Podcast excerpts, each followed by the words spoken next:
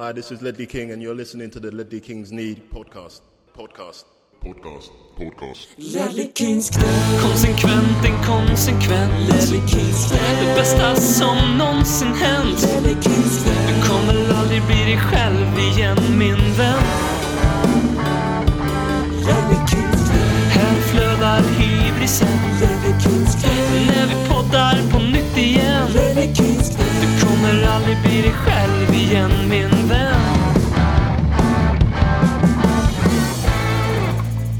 Du lyssnar på ännu ett fotbollsledley, nämligen avsnitt 306 av den värmländska radioteatern Ledley Kings knä.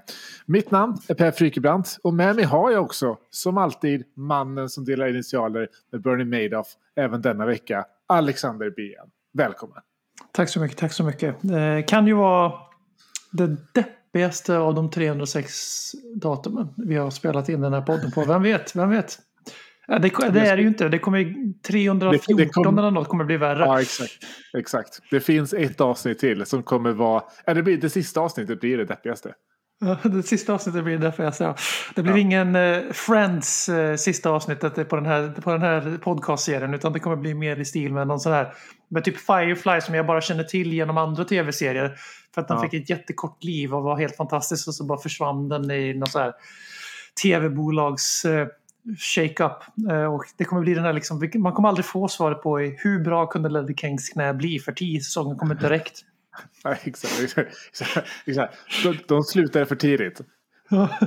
Eh, nej, men det har, det har ju onekligen hänt, utan att hända så mycket kring Tottenham, eller utan att ha spelat så mycket fotboll, så har det ju hänt enormt mycket kring Tottenham eh, den här veckan. Och vi kommer absolut inte gå igenom allting, eh, utan vi kommer cherrypicka och gå igenom det vi, det vi vill. Men den, den stora grejen är ju att Tottenham är på väg att få en ny ägare eller i alla fall delägare av klubben och en ganska pissig sådan. Det är eh, QSI som, som också äger PSG som ni alla vet. Eh, den katariska sportsinvestmentbolaget eh, som ryktas ehm, vilja köpa in sig i, i, i Tottenham. Och när jag såg de här ryktena cirkulera först för några dagar sedan, eh, det var ungefär en vecka sedan, då kände jag, jag vevade bort det ganska, eller viftade, viftade bort det ganska snabbt. Alltså, nej, men det, här, det här kommer att hända.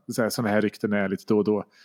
Och nu känns det ju, ja men det känns ju på riktigt som att det här kommer hända.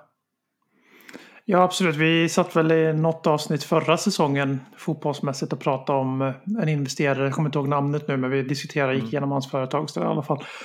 Eh, Och det har ju varit andra liknande rykten förut som du säger. Eh, Det var ju eh, Soros son som hade ett investmentbolag som ryktades Ja, men då, då är det två, för det här var någon, det här var någon eh, från. Sydostasien tror jag. Jag kommer inte ihåg Ja. just nu. Eh, nej men att eh, det, det händer ju titt som tätt. Tottenham, det, det är ju liksom lite så. Det, vi vi har ju pratat tillräckligt mycket om Inik som ses som förra veckan. Och vi har vid många tillfällen här på den täckt deras 20 år vid makten eller ägande av Tottenham. Där det är just nu Joe Louis som äger majoriteten och sen Daniel Levy som har en ganska stor minoritet och sådär.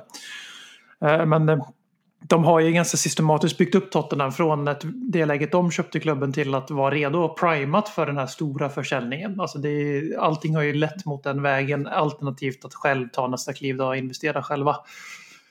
Eh, med arenan och träningsanläggning och re, redevelopment i N17 och allt det här. Liksom man har successivt sakta men säkert byggt upp Tottenham till en jävla drake. Eh, alltså en enorm klubb. Även på planen trots att vi inte har vunnit någon ligacup de senaste 3, 4, 17, 18 säsongerna. Eh, Så jag var som du, jag avförde det här ganska fort. Eh, Men sen eh, förstod man ju, även om klubben har dementerat det här, vilket man gör. Ja, ja. Det, Så det hör gör till lite grann om man säger så. Att det känns som att det här har ben. Det här, det, det här kan vara på riktigt. Och Ja, många alltså, gånger har vi suttit och ojat oss i podden över vad är egentligen, vad är bäst, djävulen du känner eller djävulen du inte känner till. Mm. Eh, Men att få just PSGs ägare som är alltså topp tre eh, ägare som är värst för fotbollens utveckling på 2000-talet utan diskussion. De andra, Roman Abramovic och sen Abu Dhabi Group som äger Manchester City och ungefär 42 lag till. Att man trodde ju aldrig att det skulle vara just PSGs ägare som skulle komma in och köpa en minoritetsdel av. Tottenham.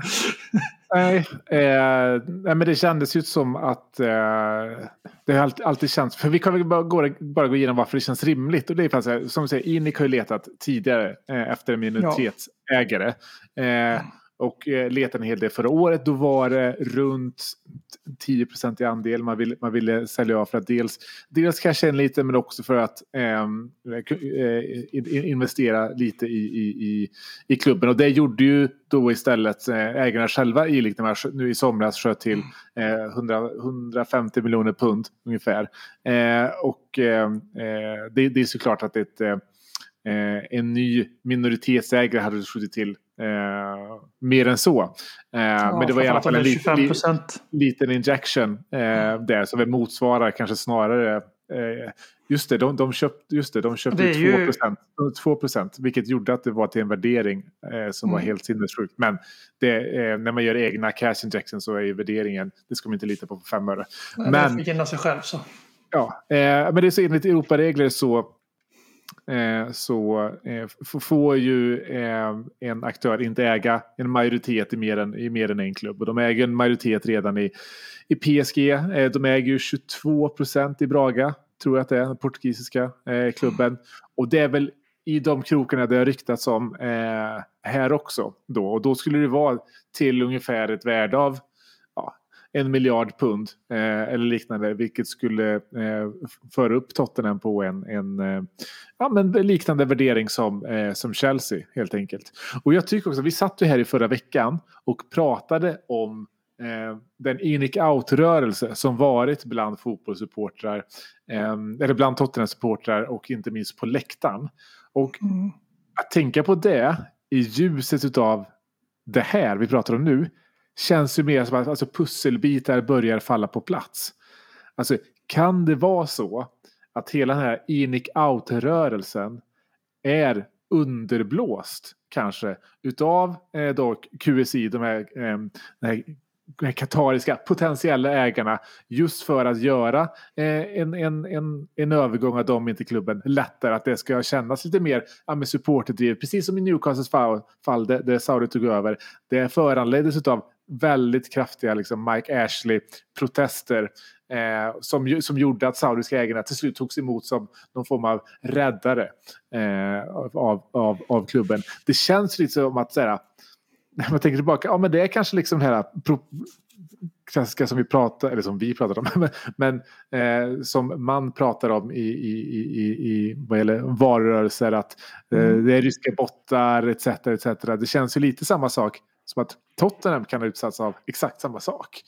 Eh, fast av de här eh, katarierna. Jag kanske, jag kanske, jag kanske är en eh, liksom, eh, foliehatt. Foliehatt. Kanske är, Eh, men det känns ju, jag gillar ju att Tottenham i så fall och Tottenham supportrar skulle vara en del av den här globala sammansvärjningen. Eh, eller vara utsatt för den snarare. Nej men alltså det är ju... Det är väl i stort sett konstaterat på, i många fall att just politiska val har påverkats av externa, externa aktörer som har late bottar mer och sådär.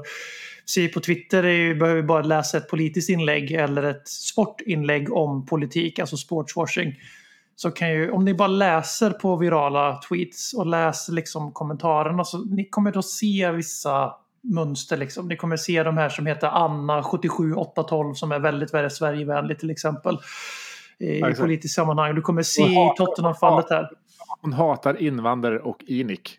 Mm. Liksom. Ja, men precis. Du kommer se i Tottenham-fallet här så kommer du se väldigt många konton som är positiva och att de har en katarisk flagga i, i namnet eller sådär. Så liksom det, det kan ju finnas någonting där. Sen eh, har vi inte så mycket fog till denna konspirationsteori. Men eh, det, det var ju väldigt Jo. lägligt i alla fall. Så kan man ju Ja, sammanfatta. men jag, jag tycker det. Jag tycker det. Eh, och, eh, eh, vi slängde upp en liten, eh, liten Twitter-poll. Eh, som fick eh, en del, alltså vi, vi fick ju fe- 1500 svar.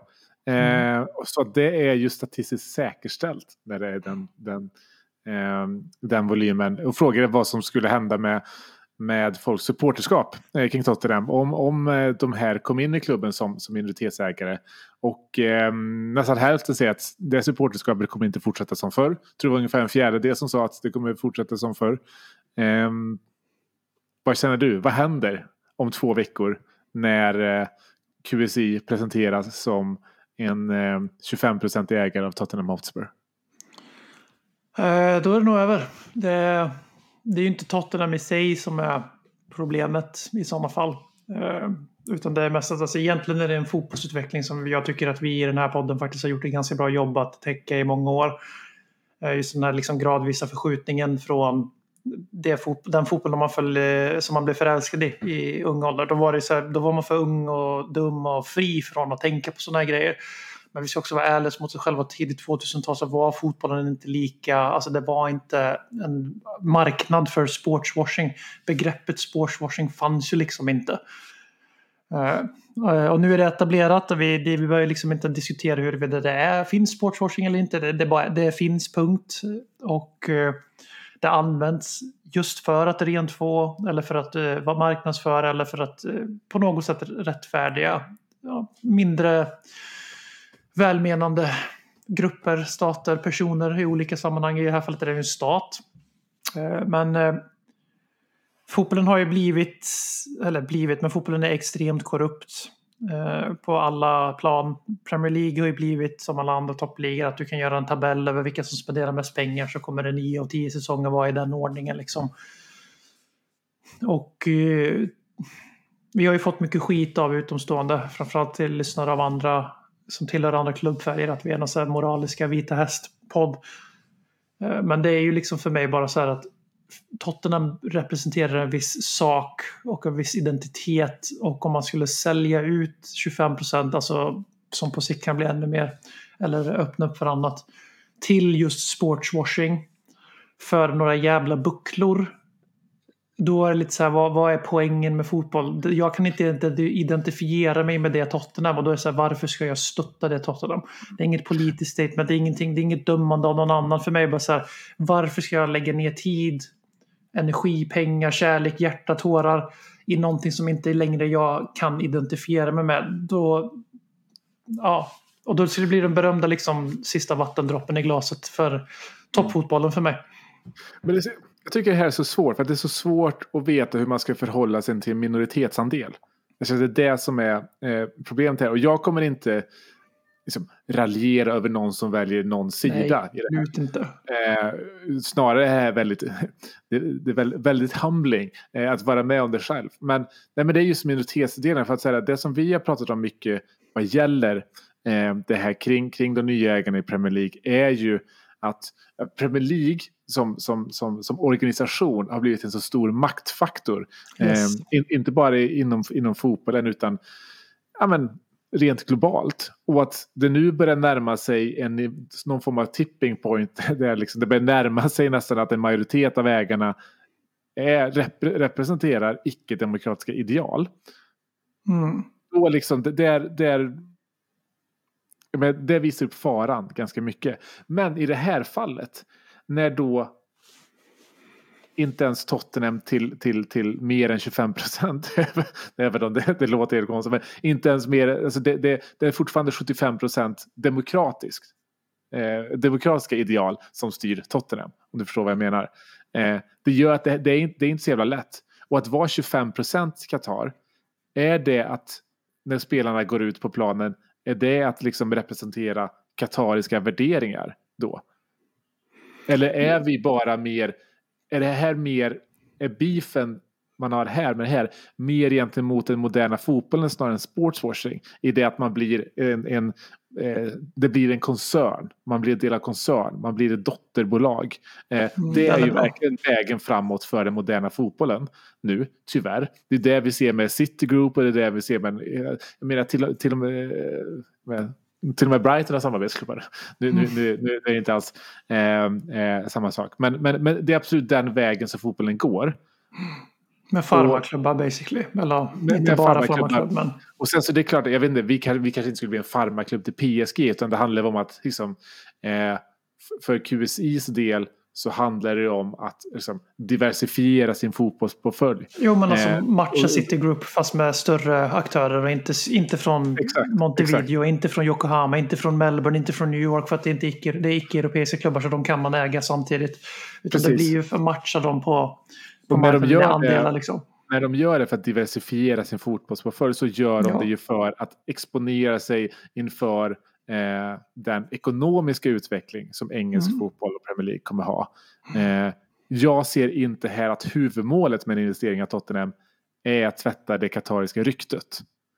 Nej, för det gör PSG utmärkt så det behövs inte. Jag, jag håller med. Det är, Ja, men exakt, PSG är ju Qatar. Det är de som är loket ja. Och PSG Qatar och eh, sen har vi Newcastle. Saudiarabien och sådär. Eh, absolut, det, det är en viktig poäng. För mig bara så blir det liksom att det går att klä in det i de här två facken. Men för mig så hänger de för tätt. Det är, liksom, det är olika verktyg för samma lok. Alltså sportswashing och modern fotboll i stall och bla bla bla sprider ut och monetisera. Liksom, det är för mig symboler på, det är samma, samma process. Det är liksom att ta bort fotbollen från supportrarna och gör den till någon form av verktyg för allting annat. Och det, den kampen är förlorad sedan länge. Eh, och jag kan som individ inte göra jättemycket åt den, men jag kan åtminstone liksom protestera mot den på det sättet jag kan. Och I det här fallet skulle det vara för mig. Tottenham skulle vara för långt ifrån vad, vad jag föll, föll för, för att jag skulle kunna helhjärtat stå bakom det. Sen så håller jag nog med dig om att det, man skulle nog nästan kunna säga att det är 75 procent av reaktion är baserad på moderna fotbollens utveckling snarare än de här 25 procenten då som är just mot Tottenhams utveckling. Eh, Men eh, liksom det är absolut, det är ju många som inte kommer att kommer, inte kommer att ta det, göra det beslutet. Du ska väl alldeles strax få svara på vad du själv kommer att göra. Men, eh, och jag är inte ute efter att brännmärka folk utan man kan liksom känna samma känslor, ha samma leva och dö med den här klubben oavsett vem som är ägare. All heder till dig, liksom är, jag är glad för de personernas skull att de slipper, ha, slipper liksom ta bort nöjen och glädje från sitt liv på grund av någonting som egentligen är en ganska meningslös gest. Jag inser ju den biten, men jag personligen kan bara liksom inte... Jag har känt sen det här liksom briserade så har jag bara släppt, släppt allt med Tottenham. Typ inte ens tänkt på att det är transferfönster. Inte ens brytt mig om att det är North London Derby i veckan, utan allting bara handlar om vad kommer att hända med min klubb nu. Eh, Och eh, det är en jobbig sits, sits att vara i. Och jag, jag menar, jag, nu vet ju folk vad jag klickade på vår egen poll, men vad klickade du på Per? Körde du den fega fyran? Jag, jag körde ju den här fegan, eh, fega, jag tror jag, jag är osäker. Ja, den, för jag, min in, initiala reaktion eh, var att det här är, det här är dödsstöten. Mm. Och lite också ska jag väl erkänna sig, man har ju, man har ju letat efter en out. ja, Alltså från, från fotbollen. Liksom. rent själviskt bara. bara det har Ja, ingenting, bara, man klär in Exakt. det i ord, men det är bara för att man ska slippa lida. Ja, ja precis. Det är, mer, det är mer det. Jag kommer använda det här som en ursäkt för att inte behöva kolla på Tottenham. Eh, och, och, säga, och säga att det är på grund av Qatar. Eh, men eh, så, så jag är osäker, men, men, men jag alltså, det, det, det, självklart är det så att när Tottenham nu går den här vägen rakt in i den moderna fotbollen, eh, vad gör med en katarisk ägare? Det är självklart att det är någon form av början på, på, på dödsstöten för, eh, för den här genuina kärleken som, som jag fick. Den, den, den kommer ju dö såklart. Eh, Den har, men den har ju redan börjat dö, det får man erkänna Ja. de senaste åren. Att man har ju, det är inte på samma sätt. Det, har inte, det, kanske är en åldersgrej, vad fan vet jag. Men, eller en livscykelsgrej. Men förmodligen har det väl mer att göra med fotbollens utveckling i stort. Ja, precis. Och jag tror väl kanske att så här, eh, för det här känns ju, alltså, här, när Enic köpte upp Tottenham, man köpte en minoritetsandel, då är det ganska tydligt att man gör det med målet att till slut bli en majoritetsägare. Mm. Här är det ju, när, när QSI har den här affärsmodellen som de har, så är det ju ganska tydligt att de gör det inte med målet att köpa Nej, för de kan ju inte. en, en majoritet. Nej, det är inte som att de kommer, tror jag i alla fall, Sälja PSG när de har Messi, med Neymar och Mbappé i laget. Ja, tvek. de, kan, de kanske skalar ner. Och så, det, det, deras modell kanske är ju för sig att under, ett, under en period så är man majoritetsägare, man bygger upp den, sen säljer man av 50 procent. Det har jag faktiskt läst att de, det finns rykten om att de ska sälja av 15 procent i PSG. De är Eh, så öppna det, för investering av den graden. Så det, du kan vara något på spåren här. Att det blir Tottenham som blir loket om några år och sen så skeppar man Tottenham för Real Madrid eller vad det kan bli. Liksom. och är det så, ja, men då är det ju det är Mbappé, Haaland, eh, Jude Bellingham och eh, Oliver Och Skip. Emerson Royal på högerbacken. Är det- Eh, nej, men man, ehm, vad ska säga, som, som, eh, som du sa, det, det, är, det är ju den katariska staten. Det här är ju eh, ingen skillnad whatsoever egentligen jämfört med eh, PIF som, eh, som köpte upp eh, Newcastle. Det är den saudiska statliga fonden. Det här är ju Visserligen inte den, den katariska fonden, men den är ju ägd av, alltså det här är ju statligt. Pengarna de genererar ska ju finansiera Katars eh, idrotts och kulturliv. Liksom. Det är Mm. det som är det uttalade från, från staten. Och eh, jag måste väl säga att jag, eh, när Newcastle blev, blev uppköpta så var man ju enormt förvånad över hur eh, effektiv sportswashingen är. För du ser hur eh, folk utanför St. James Park, de klär ut sig till, eh, till shejker, de liksom kommer i någon form av kritik. Borta, borta tröjan i Saudi-flaggan. Ja, men exakt, exakt. Och nu, jag har inte, eh, bland, svenska och nordiska supportrar har jag ju sett nästan bara kritik eh, mot, eh, mot ett eventuellt eh, uppköp av, av Tottenham för Qatar. Mot det här systemet överlag skulle jag hävda. Generellt. Exakt, exakt. Från, eh, från brittiska Tottenham-supportrar. Väldigt positivt. Extremt positivt. Det är knappt någonting. Och jag vet inte om det är så att när det blir så nära inpå. Alltså det här är verkligen liksom, det här är verkligen din klubb. Alltså om... om, om Men du om- kan inte säga vi, vi, vi, Förlåt jag hoppar in igen. Men vi, vi kan ju distansera oss på ett sätt som de inte har möjlighet. Alltså det är ju en, Ja. nu- nog att vi lägger många timmar och är väldigt passionerade Tottenham-supportrar. Men det går inte att jämföra. Det här är ingen så jävla support your local club rant. Men det blir på ett annat sätt. Du lever i området. Du, är på, du har varit på varenda match i 25 år med, gen, genom generationer. Det är en annan sak. Det är liksom över, överlevnad där. Antingen så har du inget, tappar du det- en jättestor del av din identitet eller så hakar du på tåget vare sig du vill eller inte. Liksom. Nej, men jag tycker, så- ja, men det är det jag tycker. Borde det inte vara tvärtom? Alltså för det Jo, det borde verkligen vara tvärtom. deras- liv. Det är liksom verkligen deras familj som Mm. blir kidnappad Mm. av de här intressena. För oss är det ju bara att säga, ja men fan vad kul, nu, nu, nu, nu kommer lördagar bli jävligt roliga. Mm. Alltså, Ja, egentligen borde det vara vi som tvärtom. borde vara Ja, positiva. Eh, Absolut. så, det, så det där, eh, det där förstår jag inte hur, hur, det, hur det kan, kan vara så. Att det, det är någon slags närhetsprincip i om man gillar sportwashing eller inte. Eh, som jag, Kan det inte ha att göra med länderna? Vi har ju, vi har ju Tyskland som är galjonsfiguren. Det är ju en högt, högt ansedd liga med väldigt bra fotbollsklubbar. Eh, som faktiskt Mm. har 50 plus 1, 50 plus 1 regeln trots att den gås runt av Hoffenheim och Leipzig och några lag till. Där är vi, vi ska vara ärliga och säga att det är Hoffenheim och Leipzig som tydligt har brutit mot 50 plus 1 regeln. De andra är ju gamla företagslag som alltså ägs av företaget som grundade laget enligt mig inte riktigt samma nyanser. Det är bara det här att, att man kan sitta och nyansera sig, lägga grader på fotbollsklubbsägande säger ju allt om vad jag tycker är fel med modern fotboll förut, men skitsamma. Eh, men är det inte den här liksom grejen att i England har de vant sig i ganska lång tid att rika biljonärer äger klubbarna. Ju mer pengar man investerar, desto mer framgång får man. Ganska enkelt samband, det ser vi ju statistiskt bevisat gång på gång på gång varje säsong. Men sen är det ju också så att bruk, det har ju skett en förskjutning i engelsk fotboll också. Alltså om man kollar på ägandelistorna, vi har, vi har Luton Town, där det är delvis av supportrarna själva. Det är den högst rankade klubben i England där del, supportrarna delvis äger klubben. Mycket oklart hur stor delen är. Olika källor säger att det är klubben som ägs av supportrarna. Men Hearts i Edinburgh, Skottland, går ut ganska hårt med att de är UKs enda, eller största eh, supporter on club. Så det är min poäng att liksom Premier League är ju sedan länge förlorat. Vi har i Brentford och vi har i Brighton och Brentfords fall så har vi någon form av local lads, alltså engelsmän. Och så Tottenham som är den enda klubben tror jag i Premier League förutom Brentford och Brighton som ägs rakt igenom av engelsmän. Sen råkar ju våran engelsman Joe Lewis mest härja i. Patagonien, bete sig som ett drägg där och bo på en yacht.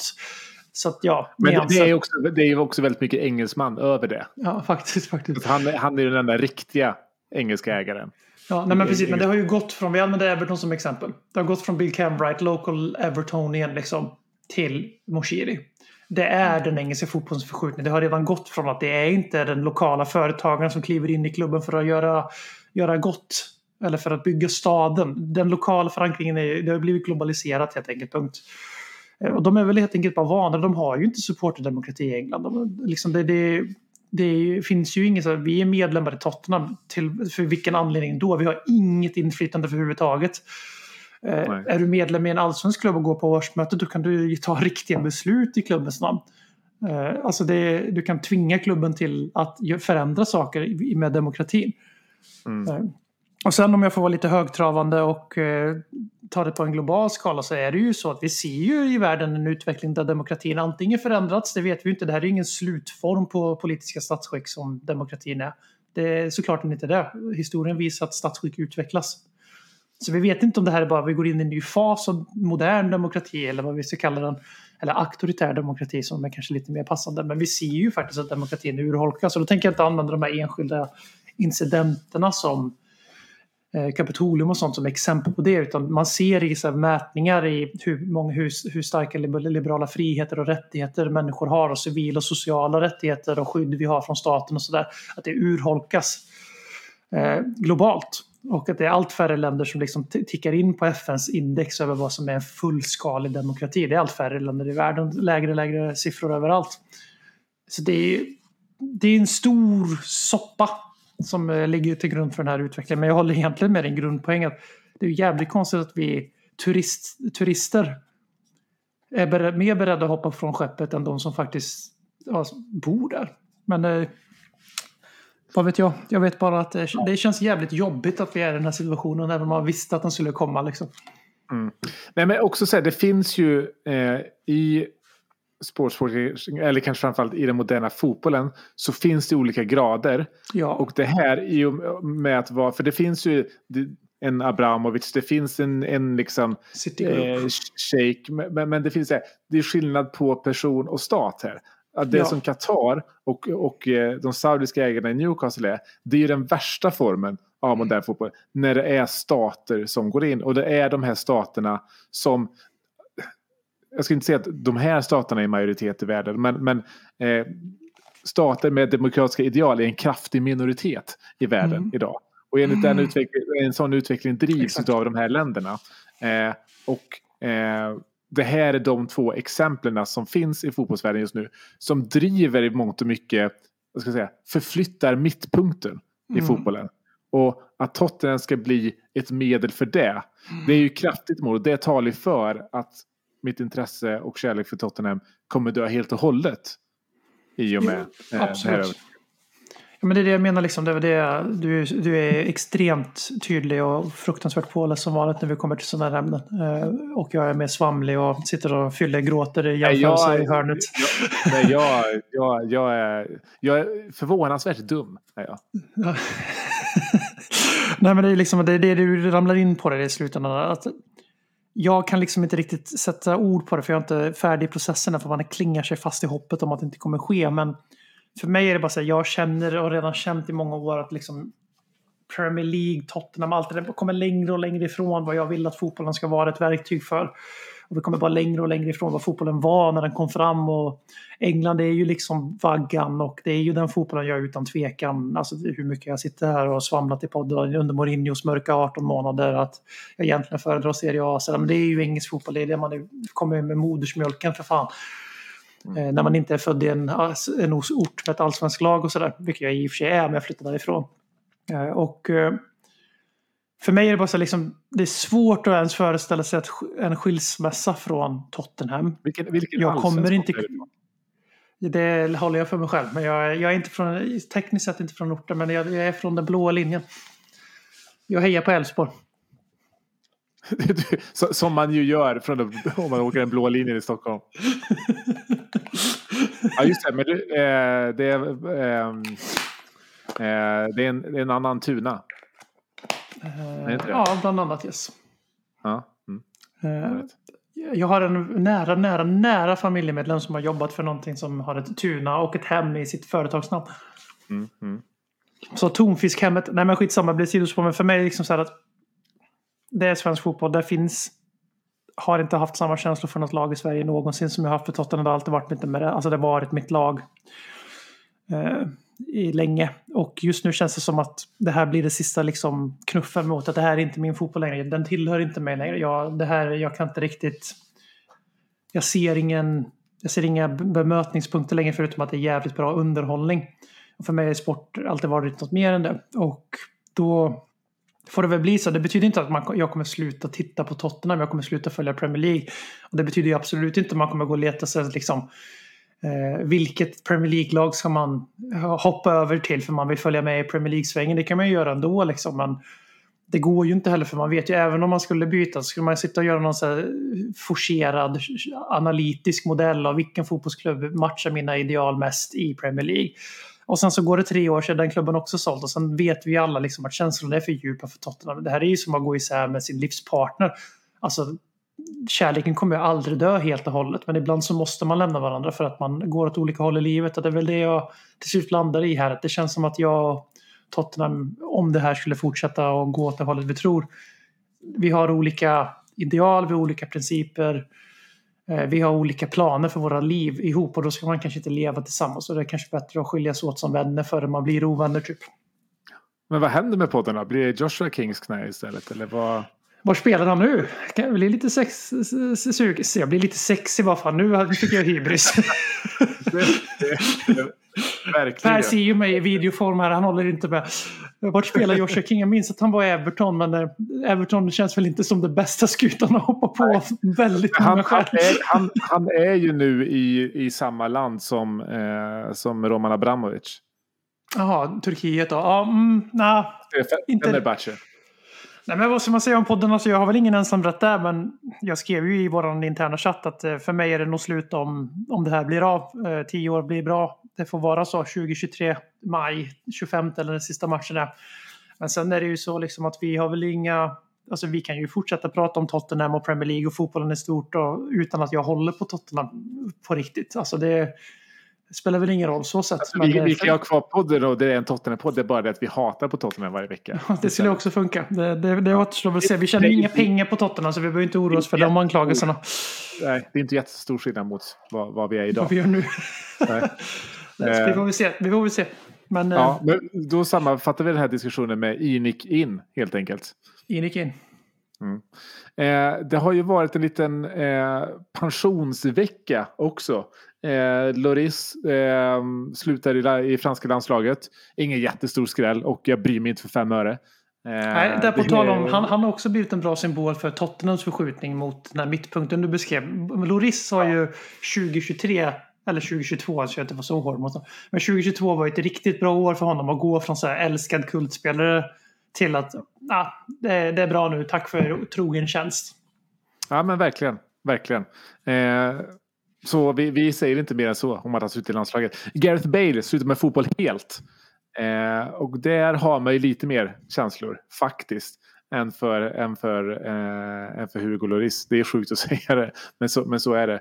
Eh, Ja, absolut inte ens nära för mig. Om jag säger att Gareth Bale är den bästa brittiska fotbollsspelaren någonsin, vad säger du då? Säg vem som kan vara emot och vara Manchester United-supporter och kom dragandes med någon av era jävla Ferguson-babies.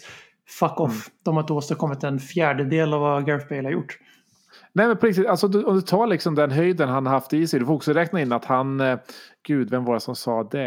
Eh, det kommer jag inte ihåg. Det var någon intervju nyligen av en spelare.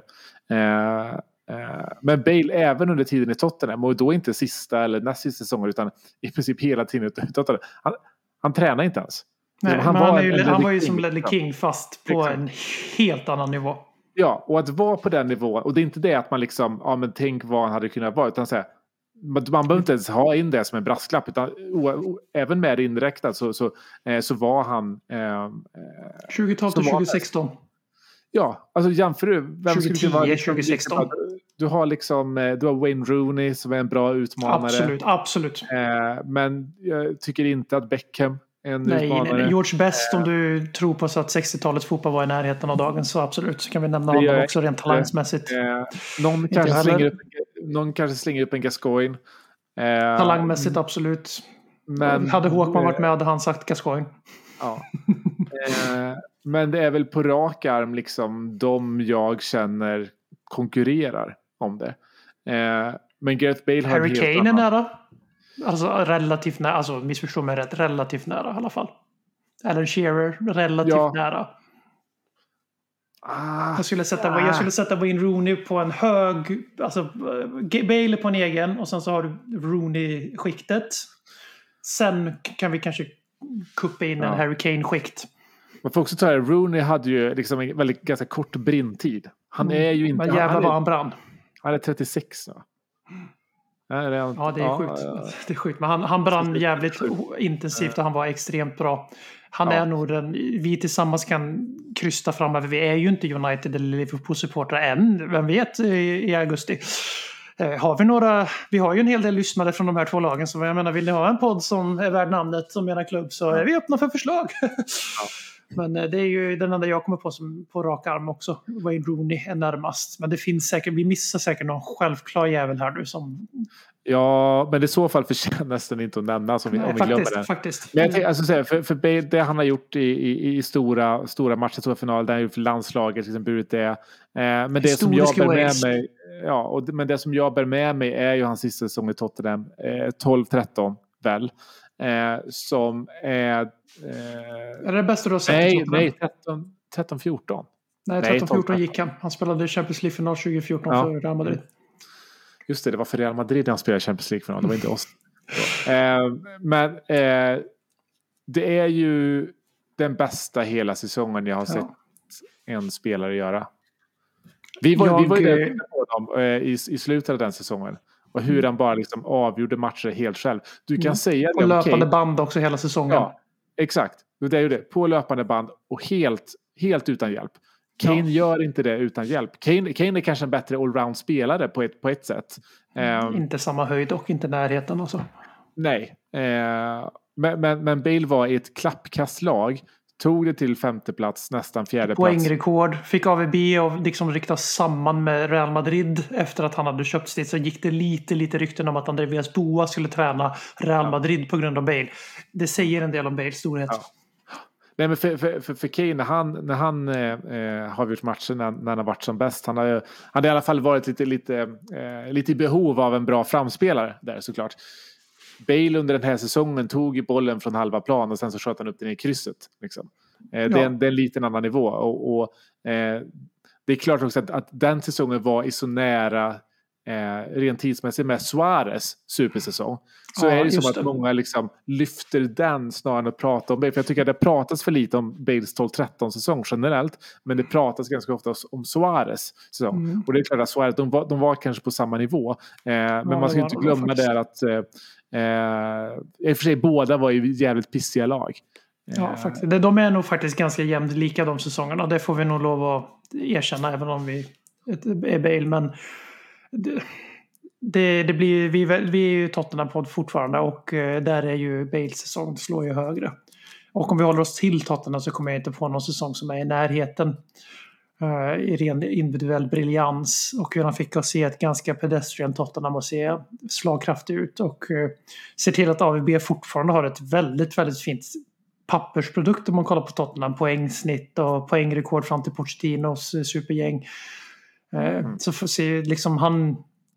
Han eh, blev ju känd som en coach i slutet av sin karriär men han var ju också en coachfrälsare i början av sin karriär. Och det som är jävligt tråkigt med hans karriär är ju att han har behandlats så illa av Real Madrid de sista åren på grund av skadeproblem och golf och ways och alla banter och såna här grejer. Men det är jävligt, jävligt magstarkt från en klubb som samtidigt avlönar Eden Hazard.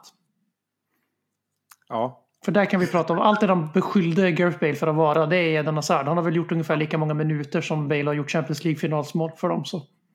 ja, men eh, lite så. Lite så.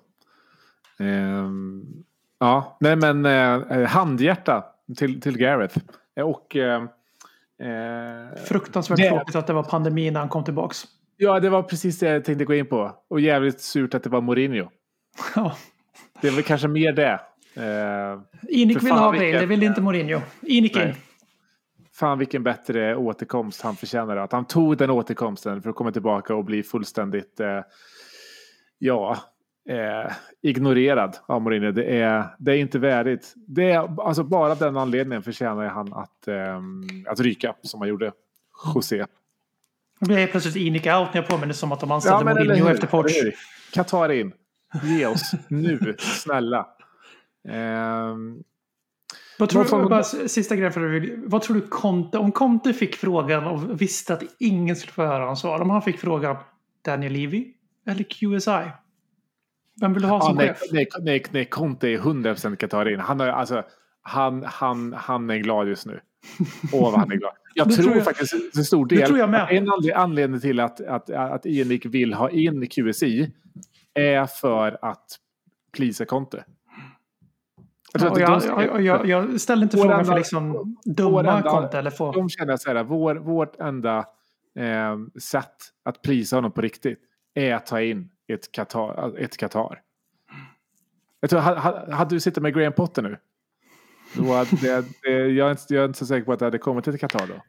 Det, det känns inte helt osannolikt faktiskt. Fan, nu blir jag jävligt arg på konto också. Fan. Ehm, och han har ju sagt nu i dagarna att han eh, väl vill stanna. Ja, han vill det Eh. just nu. Sen får vi stryk 3-0 på Ja, lördag. exakt. eller på söndag så vill han gå igen. Så det är lugnt. Ja, det, det kommer... Fort Qatar- fort Qatar-ryktena kom, då vill han stanna. Lite som med Steve Bruce för ett år sedan. Alltså, Ja, faktiskt. Saudi kom, då, då jävlar, då vill han stanna. Stackars Steve Bruce alltså. Ja. Men det måste ju, Eh. vara, måste ju vara jävligt deppigt. Alltså man lever i den här världen, verksam i den här världen. Då vet man ju att vara backad av en stat är ganska bra. Och så om man kommer överens med ägarna så är det ganska bra. Ja, då är det alltså, den deppigt att vara den här sista tränaren som var innan man kom in. Och så blir man utfasad så fort de bara kan när, när de väl kommer in. Och så får man inte liksom, man får inte skörda frukten av sitt hårda arbete. Lite som Pochettino när Mourinho kom in. Fast i en annan kontext. Ah, Ja, det, alltså, det blir ju inte bättre av att det är North London Derby i helgen. Nej, det blir ju inte det. Eh, jag har inte ägnat det speciellt många tankar för att jag inte vill. Ehm, eh, det enda som är positivt höll jag på att säga, men jag kom, kom inte på något positivt. Eh, så vi, vi kanske bara skiter i den. Ja, alltså det är ju det är vad det är. De är Englands bästa lag just nu. Vi är inte det. Eh, Det känns som att det kan gå käpprätt åt helvete. Det känns som att hemmaplansfördelen som har varit ganska stark under till och med vi har ju haft en ganska lång period ändå i sammanhanget där vi har varit det bättre laget utan tvekan av de här två klubbarna. Eh, de har ändå vunnit varje jävla match på Emirates. Eh, och vi får väl hoppas att nu när vi är tillbaka i lillebrors, lillebrorsrollen att eh, vi kan förstöra för dem och vinna på hemmaplan. Och sen kanske vi kan lägga oss mot City. Så att det inte blir den här mardrömmen jag har att vi ska förlora mot, hemma mot Arsenal.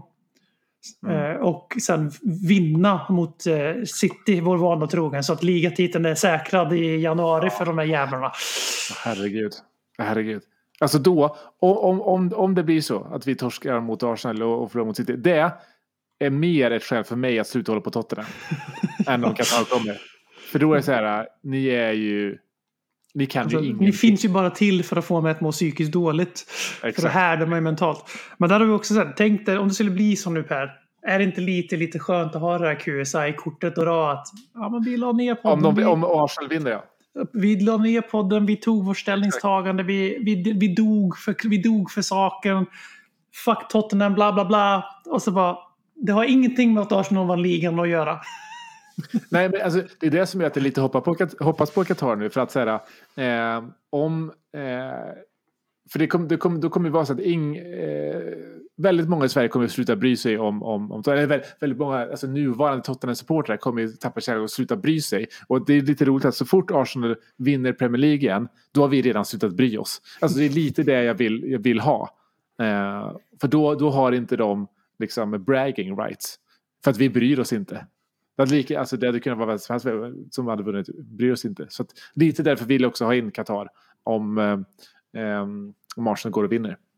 Det är fint att se hur du liksom hoppar mellan de här två lägren. Vi försöker prata upp North London Derby. Vi hamnar ändå tillbaka i lägren. För det säger ändå en del om vad det gör med, så här, Ja. med supporterskap, den här identitetsskapande formen. Det är. För det är ju inte en kund, eh, affär, kund-säljare relation man har till en klubb. Det är så vi behandlas och det är så vi har hjälpt till absolut att göra fotbollen till en kund, eh, kundsäljare, köpare-säljare business på den högsta nivån. Eh, Men det är ju så, det är så uppenbart att du hade ju inte haft du hade ju inte suttit i 45 minuter och hoppat mellan Coop och Ica på grund av deras ägarstruktur i en diskussion. För du bryr dig inte tillräckligt mycket om mjölken du Nej. köper på Ica. Alltså man gör bara inte det. Alltså det, är liksom, det, det är fotboll och supporterskap. Det är någonting annat. Det är gemenskapsidentitet, det är kultur. Det är den man vill vara. Klubben man supportar. Det är antingen det man vill vara eller det man strävar efter att vara eh, på många sätt. Och man formar sig själv till att passa in i klubbens profil, bla bla bla. Eh, allt det här med vitt blad, när man, blankt blad när man föds eller man, man närs om natur, omgivningen runt omkring. Så det, är så, det är så vackert att höra det liksom vackla mellan Qatar out till Qatar in. Och det gör det skämtsamt, men det är lite sant samtidigt. Och liksom, så det, vi är ju i en sån jävla identitetskris just nu så det, liksom, det går inte att sätta ord på det. Nej, men det är det som är så att det, alltså, Existentiell stor, kris menar jag. Förresten. stor skillnad det är på liksom konsumerism och supporterkultur. Vilket Mm. folk inte tänker på när man säger att så här, "Ah, hur kan du vara emot eh, eh, ka- saudiska ägare eller katariska ägare när du har en iPhone till exempel. Är du, du är är- rasistisk mot Mellanöstern, det är därför man bara nej, det är inte, det är Ja, inte riktigt samma sak för mig vad jag har för telefon och vad, vad jag lägger all min identitet på. Nej men exakt, alltså konsumerism är något annat. Det är inte som att jag går runt och skriker Telenor till I die och liksom vi- visar upp min, min Du har aldrig gjort det alltså? Åh fan. Ja, ja. Via Play till I die däremot. Woo! Ja. Det är det bästa. Det, där nu fick jag en sån där. Det bästa med om Tottenham blir uppköpt av QSI. Det, Ja, jag, säga, det jag kan säga upp via Play och bara dubbel FN mot dem och bara bye! Never see me again. Min tysta protest att jag använde, någon, att jag använde en, ett annat, en annan mailadress på kontot för att jag skulle protesta och lämna Viaplay med mitt eget konto. Men jag fortfarande betalar för ett annat namn. Den kommer att förvärras på Viaplay. Så tänk på det förrän ni pushar QSI in i mitt Tottenham. Ehm, vi kan väl göra en liten eh, transfer update eh, innan, innan vi, vi, vi rundar av här. Eh, den enda som vi har varit väldigt tajt eh, ihopkopplade med är ju en ny högerback i Pedro Porro från, från Lissabon. Det är den man vill ha. Har du hängt med nu. i det här triangeldramat med Joao Felix? Ja, men det är det jag kommer tänkte ta upp nu och av, avsluta på on, on a positive note. Eh, för som sagt, det är ju verkligen den spelartypen vi, vi behöver. Nu trådar vi efter honom. Eh, och det är den här vi ska ha. Och så i dagarna så har ju Chelsea kopplats ihop med, med Pedro Porro. Att de är inne och hijackar den här dealen. Och då tänker man, vad fan, nu blir det som vanligt. Och så kommer helt plötsligt Joao Felix ryktet in. Att han ska komma till, till, till Chelsea. Och så blir Joao Felix klar för Chelsea.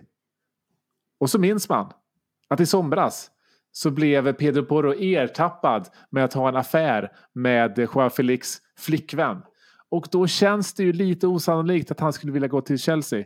Ehm, eh, att det skulle bli en del problem. Klubben vill vi kanske inte det. Men då tänker jag också, å andra sidan, Chelsea har en historia utav det här. Det är precis så här de är. Det är ju Wayne Bridge och Terry igen. Det är liksom. Courtois det och De Bruyne.